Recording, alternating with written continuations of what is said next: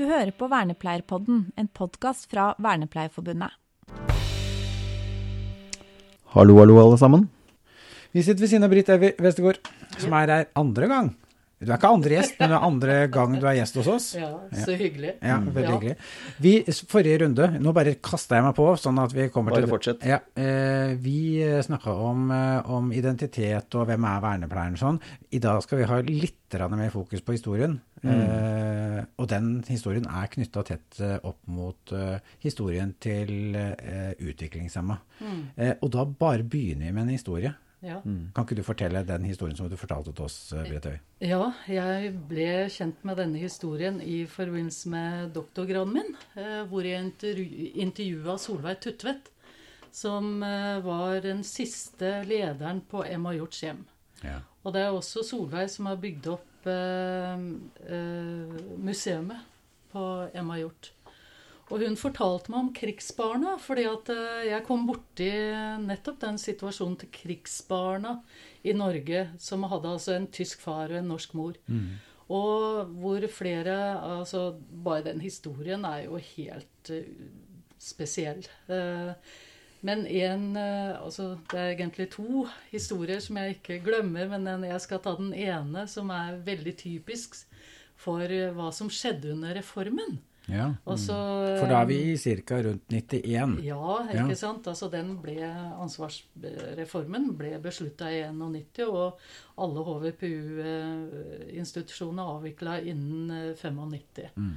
Eh, og den tida der så hadde jo da Solveig ansvaret for å sende brev faktisk til de mødrene som ikke hadde sett ungene sine siden de leverte dem på et av de tyske barnehjemma som de da måtte levere barna sine Ja, for de måtte når de var nyfødte, ikke Ja, sant? riktig. Ja. Og der var det jo tysk personell. Eh, sånn at barna vokste jo opp i et barnehjem med bare tyskspråklig. Og så, når krigen var slutt, så var de tre-fire år. Og eh, da var det en gal psykolog som klarte å diagnostisere hele gjengen som psykisk utviklingshemma. Eh, fordi at eh, antagelig de, ja, de visste jo ikke hva psykologen spurte om engang. Eh, Men det var jo også noen som hadde, hadde hjerneskade.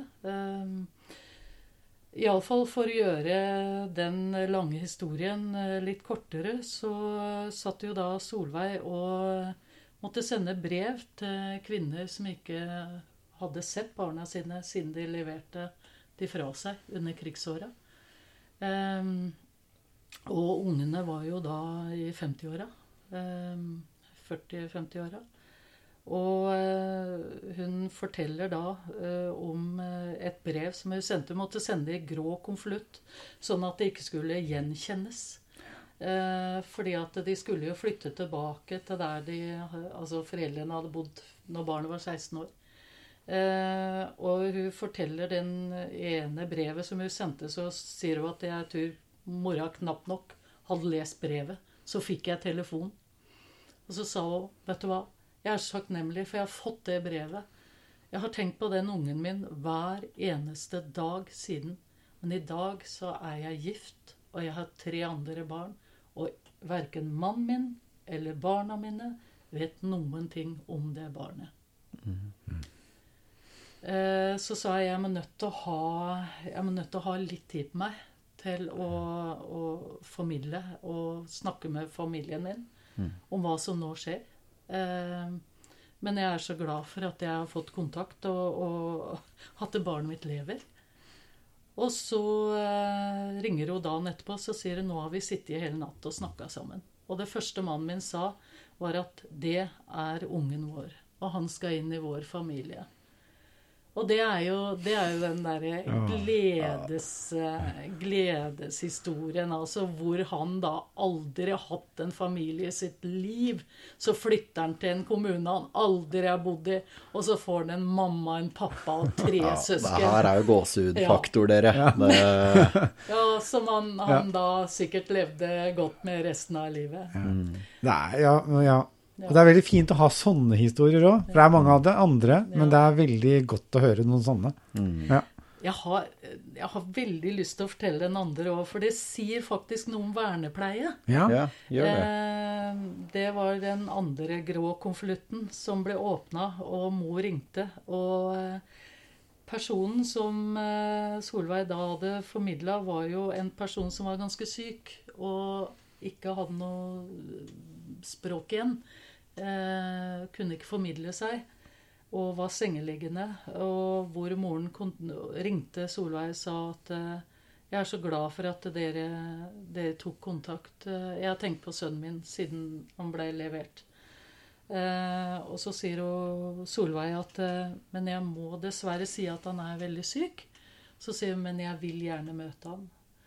Og eh, da var det at Solveig spurte en av de som hadde jobba eh, og hjelpa den karen da, i over 30 år, så sa Ja. nå må du være her når mamma kommer. Og så satt de da ved senga til denne karen, som da var døende. Eh, og hvor hun som hadde kjent den i over 30 år, satt og fortalte om livet hans. Viste bilder om den, og fortalte hvor glad de hadde vært i den, både den ene og den andre og den tredje. Hva han hadde vært med på, hva han hadde gjort i livet sitt. Hvor god han var til ditt og datt og sånn og sånn. Og det var jo den måten da mammaen ble kjent med sønnen sin. Ja. I alle de åra som hun ikke hadde truffet den. Og hun satt og holdt den i handa når han døde. Og det, det, det tenker jeg Det er, det er eh, Nå snakker vi om profesjonalitet, egentlig. ja, det er det vi gjør, vet du. Ja, Ja. Det som vi gjorde i sist podkast. Ja. Ja. Ja. Det der å være noe for noen som betyr en kvalitetsendring, positiv kvalitetsendring, det er virkelig det du har fortalt om. Og det, det å sitte Selv om et menneske ikke kan svare for seg og kanskje er døende, så En annen historie som Solveig fortalte, var jo om Nils som har fått uh, Kongens fortjenestemedalje på Emma Hjort. Og hun satt jo også og fortalte en helt ny student som satt ved senga hans når han var døende. Så sa 'Veit du hvem Nils er?' Nei, det visste ikke studenten. Så satt Solveig så tok hun fram albumet til Nils, for han hadde masse fotoalbum. Og Nils hadde jo levd et virkelig rikt liv. Og så satte hun seg på sengekanten til Nils og så begynte hun å fortelle om Nils sitt liv. Og det hun merka, sjøl om Nils var døende, så forandra pusten seg, avhengig av hva Solveig fortalte. Ja. Så ikke glem det at det siste vi mister, det er hørsla. Ja. Og det gjelder folk med utviklingshemming òg. Og der har vi det der helhetlige helseperspektivet, har vi ikke det? Altså det er å se hele mennesket i den situasjonen der. Men vi er på historie, dere. Ja. Ja. Eh, vi skal ha noen sånne årstall også. Eh, jeg er i hvert fall utfordra på å snakke om Altså 1961 er et eh, årstall vi skal ta for oss. 1991 har vi vært innom. Eh, der er liksom ansvarsreformen. Og så er vi egentlig inne i et år òg, da. 2020. Ny, ny sånn type nyutdanning. Ikke ny utdanning, men justert utdanning. Så det er liksom noen, og så skal vi snakke litt om det som er rundt Ja, og innimellom. og så lurer jeg på om ja, dere to kan eh, ja, dra meg gjennom eh, det nyklekte egget, da. Ja. Dra det nyklekte egget gjennom dette, og lytterne våre. Ja. Så nå er jeg spent. Du må si litt om Munch først, for da er vi liksom tilbake til rett etter krigen. Og, og Emma Hjort. Ja. For det er der det starter. Ja, i eh, rundt altså 49 så så jo han behovet for det han kalte en humaniseringsprosess. Ja. Eh, altså en tilnærming mot klientsentrert omsorg. Eh, og erkjente da behovet for mer altså personal som var mer opptatt av det pedagogiske og, og eh, altså i skjæringspunktet med det eh, medisinske. Ja. Eh, Og det har jo vært en sånn pågående eh, prosess, diskusjon, eh, eh, tema fra den gangen, og er, vi er vel der enda. Jeg får, vi får henvendelser i forhold til hva får jeg lov til å dele ut medisiner til andre, og kan jeg ha ansvar for at vi er i Det er en sånn profesjonsgreie. Men, men, men, men men det kulminerte på en måte, jeg velger å si det sånn, da, i 1961, der den første treårig vernepleierutdanninga blei starta. For det hadde vært to, noen toårige eh, Ja, fra utdanninger. 1954 Ja. så starta den toårige vernepleierutdanninga. Ja. Og faktisk tanta mi Hun er vernepleier. Ja. Hun er i 80-åra. Ja. Hun jobba på Emma i mange mange år. Ja, toårig, toårig vernepleierutdanning. Ja. ja, ja. ja. God som gull. Ja. Så, og så var det jo også sånn at de aller fleste vernepleierutdanningene, i hvert fall de eldste, er knytta mot institusjoner. Men det kom, eh, på 80-tallet så kom det en del eh, vernepleierutdanninger rundt omkring i landet som ikke er, er tett knytta mot eh, sentrale institusjoner. Så da, da, da endrer det seg noe.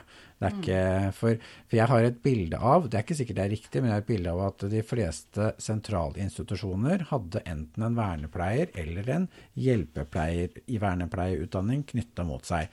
Mm. Sjøl har jeg liksom opplevd tett på som både barn og ungdom Fossenes eh, sentralinstitusjon, og der var det en, en hjelpepleierutdanning i vernepleie. Så, mm. så, men på 80-tallet så justerte man det litt, så da blei det en del flere vernepleierutdanninger som heller ikke er knytta mot, eh, mot eh, mot institusjoner. Og i 1986 så ble det en ny rammeplan. Ja, men altså det, det, var jo på 1980-tallet det skjedde at uh, vernepleierskolene ble innlemma i det regionale høyskolesystemet. Ja. Uh, sånn at de kunne starte opp uten tilknytning til noen sentralinstitusjon. Og det var jo da Bergen og Østfold ble etablert. Ja. Uh, og seinere, i 83, så starta Harstad opp. Uh, og uh, i 86 så kom også det med rammeplan for vernepleierutdanningene. Ja.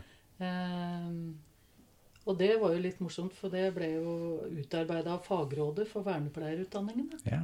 Mm. Og satte, satte boken til havresekken, og det ja. var vel helt greit. Her var det helt ålreit. Ja, ja, ja. Og, og, og, så, og så foregikk det nok Altså, 91 har jeg også satt Det er jo ikke, det er jo ikke en, en, sånn merkelapp i forhold til vernepleierutdanninga, men den er, så, den er så sjelsettende, går an å si det? Det er kanskje et rart begrep, men, men i forhold til hele fagutviklinga, for det er der det, der det store skillet skjer. Det er mm. det vi kaller ansvarsreformen, som er liksom opplært i dette, men som alle andre som ikke er vernepleier Nei, ikke alle andre, men veldig mange kaller bare HVPU-reformen. Mm. Eh, men som er riktig omtalt ansvarsreformen. Ansvaret ble flytta fra fylkeskommunen over til kommunen. Mm. Mm. Og det som jeg tror kanskje vi skal minne litt om da, var jo at uh, før det så hadde jo da vernepleierne eller medikamentkompetanse. ja. Knytta til folk med utviklingshemming. De kunne altså bare gi sprøyter til folk med utviklingshemming, men ikke ikke til en annen. det er bare en sånn absurditet som er helt Det er bare trist og kleint. Ja. og det som var litt morsomt da, var jo at uh, altså Mariann Bakken, som jobba i Vernepleierforbundet da, hun slo jo virkelig til og sa at nå driver sykepleierne profesjonskamp. Og det var vel kanskje det de gjorde, da. Ja. For de satt jo med med en viss makt inne i departementet som jobba med det her. Ja. Mm.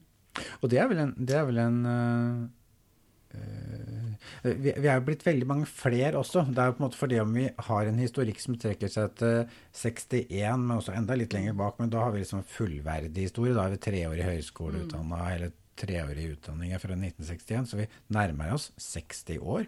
Mm. um, mens det er jo liksom de siste ti åra vi virkelig har blitt størrelse på oss. Er du enig i det? For at vi har liksom, nå, Jeg tror vi er i ferd med å liksom passere akkurat 20 000 vernepleiere som er i drift. Okay, ja. Det er ganske høyt tall. Ja. Vi satt jo og snakka litt om det her, eh, Oliver og jeg, fordi vi har jo holdt på å si gått på samme skolen. Ja. I litt forskjellige roller. Ja, ja, ja. Men jeg har jo også erfaring fra, fra andre skoler med ja. mindre kull. Ja.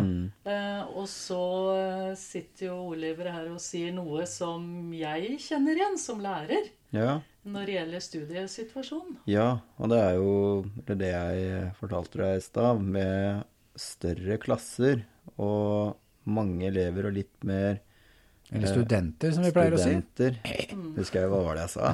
Studier. Elever. Ja, elever. Ja, jeg mente studenter. Er det så farlig, ja? ja, vips vaps. I hvert fall. Uh, det er uh, litt mer kvantitet enn kvalitet på mye. Mm. Og litt masseproduksjon av vernepleiere, og du mister litt den eh, kvaliteten som jeg fikk inntrykk av når du forteller dine historier, da. Mm. Som jeg eh, Så var det fra Eller grunnen til at jeg valgte å bli vernepleier. Mm. De gode minnene du forteller om, og de ulike historiene. Mm. Ja, og det var jo da jeg kobla til at eh, på 90-tallet, som jeg jobba med vernepleierutdanninga i Vestfold, Mm. så var det vel eh, ja, underkant av 30 studenter i Ja. hvert kull. Og eh, jeg kjente jo hver eneste Mm. student.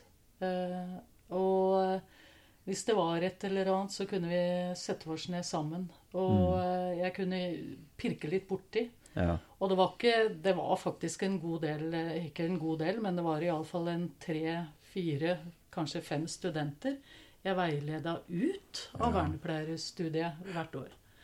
Eh, sånn at det er ikke gitt at ethvert menneske vil fungere godt som vernepleier. Du må ha en viss idealisme. Og noe av det første jeg sa eh, når studentene begynte, var at eh, hvis du tror du skal bli rik på den jobben her, så må du bare finne deg en annen jobb. Ja. I hvert fall for penger. Ja. Ja.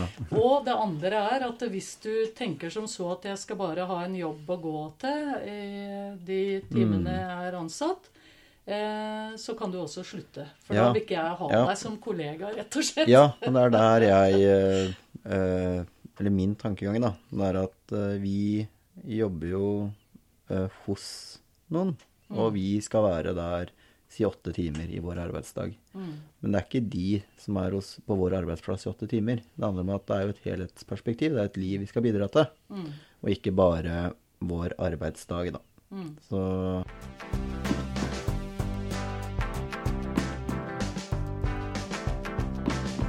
det tema, saker eller andre spørsmål du vil Vernepleierpodden skal ta opp, kontakt oss på Facebook. Så måtte jeg tilbake til praksis. Ja. Eh, og da starta jeg eh, med Da var jeg leder for et personale som skulle Hvor det var eh, fem Vi kalte dem huseiere, for det var det de sjøl ville være. Eh, eller he, at vi skulle Ja. omtale det som det, da.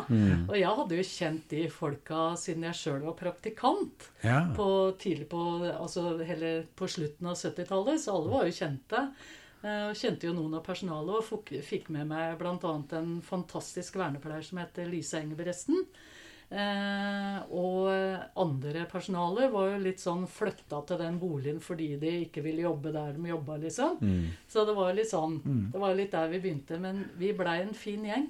Og noe av det som vi la grunnen for, var at uh, huseierne eh, altså Det var jo kommunen. Vi leide jo lokaler, og vi kom inn som gjester i dems hjem. Og du kan si det var jo, det var jo kommunen som hadde plassert vårs der. Men vi kunne jo gjøre noe med hvem som skulle komme videre.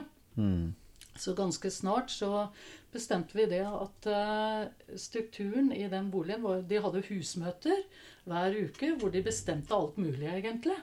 Eh, både av meny de skulle ha sammen, og turer de skulle på, ferier, og de sparte penger, og de sendte søknad til Sanitetsforeningen for å få penger til dem, av dem til å reise på ferie, og masse sånn. Eh, men iallfall så Når nye folk skulle bli ansatt der, så valgte de sa de en tillitsvalgt som eh, da var med og intervjua Først så Husmøtet de lagde De bestemte hva slags person de ville ha inn eh, til å jobbe hos seg.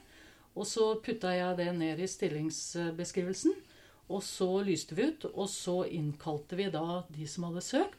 Og da gikk de inn den ene veien av boligen, hvor de først var invitert på kaffeslabberas og vafler. eh, hos den tillitsvalgte fra huseierne. Ja. Og så var det da Lisa som var sekretær for den som var tillitsvalgt. Ja. Eh, og skrev Og personen som var tillitsvalgt, kunne jo ikke lese eller skrive, så Lisa måtte jo tegne referater.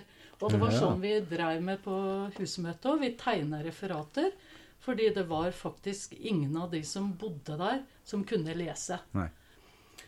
Eh, det som eh, Det som da skjedde, var at jeg og tillitsvalgte i boligen, eh, vi kuppa ansettelsesmøtet. Og eh, sa det at vi støtter den tillitsvalgte av huseierne, som, er- som den er innstilt. ja. Og det var jo to stykker eh, som den personen da hadde innstilt, og det er to kjempegode vernepleiere i dag. Nei, kult. Ja. Så jeg kunne, jeg, jeg kunne aldri ha Altså, jeg sier det bare, altså. Spør de folka som skal motta tjenesten, og sett dem i ansettelsesutvalga, for det er de som veit hvordan det er. Du, dette er jo en vakker avslutning på denne podkasten, Det er det. episoden. Det syns jeg bare oppsummerte det meste. Ja. Eh, og så trekker du noen linjer og sånn eh, mellom historie hvor vi er i dag og sånn. Og så er det kult at eh, de to er, er vernepleiere i dag. Det syns jeg moro. Eh, så da lokker vi denne podkasten. Så ser vi hva som kommer neste gang. Oliver, har du lyst til å si noe til slutt? Ja, jeg vil bare si takk for at du hørte på, og jeg gleder meg til neste uke. Ja, og tusen takk for besøket, Britt Evy. Mm. Tusen takk for at jeg vil komme. Du har nå hørt på en podkast produsert av Vernepleierforbundet med støtte fra Gjensidige Forsikring.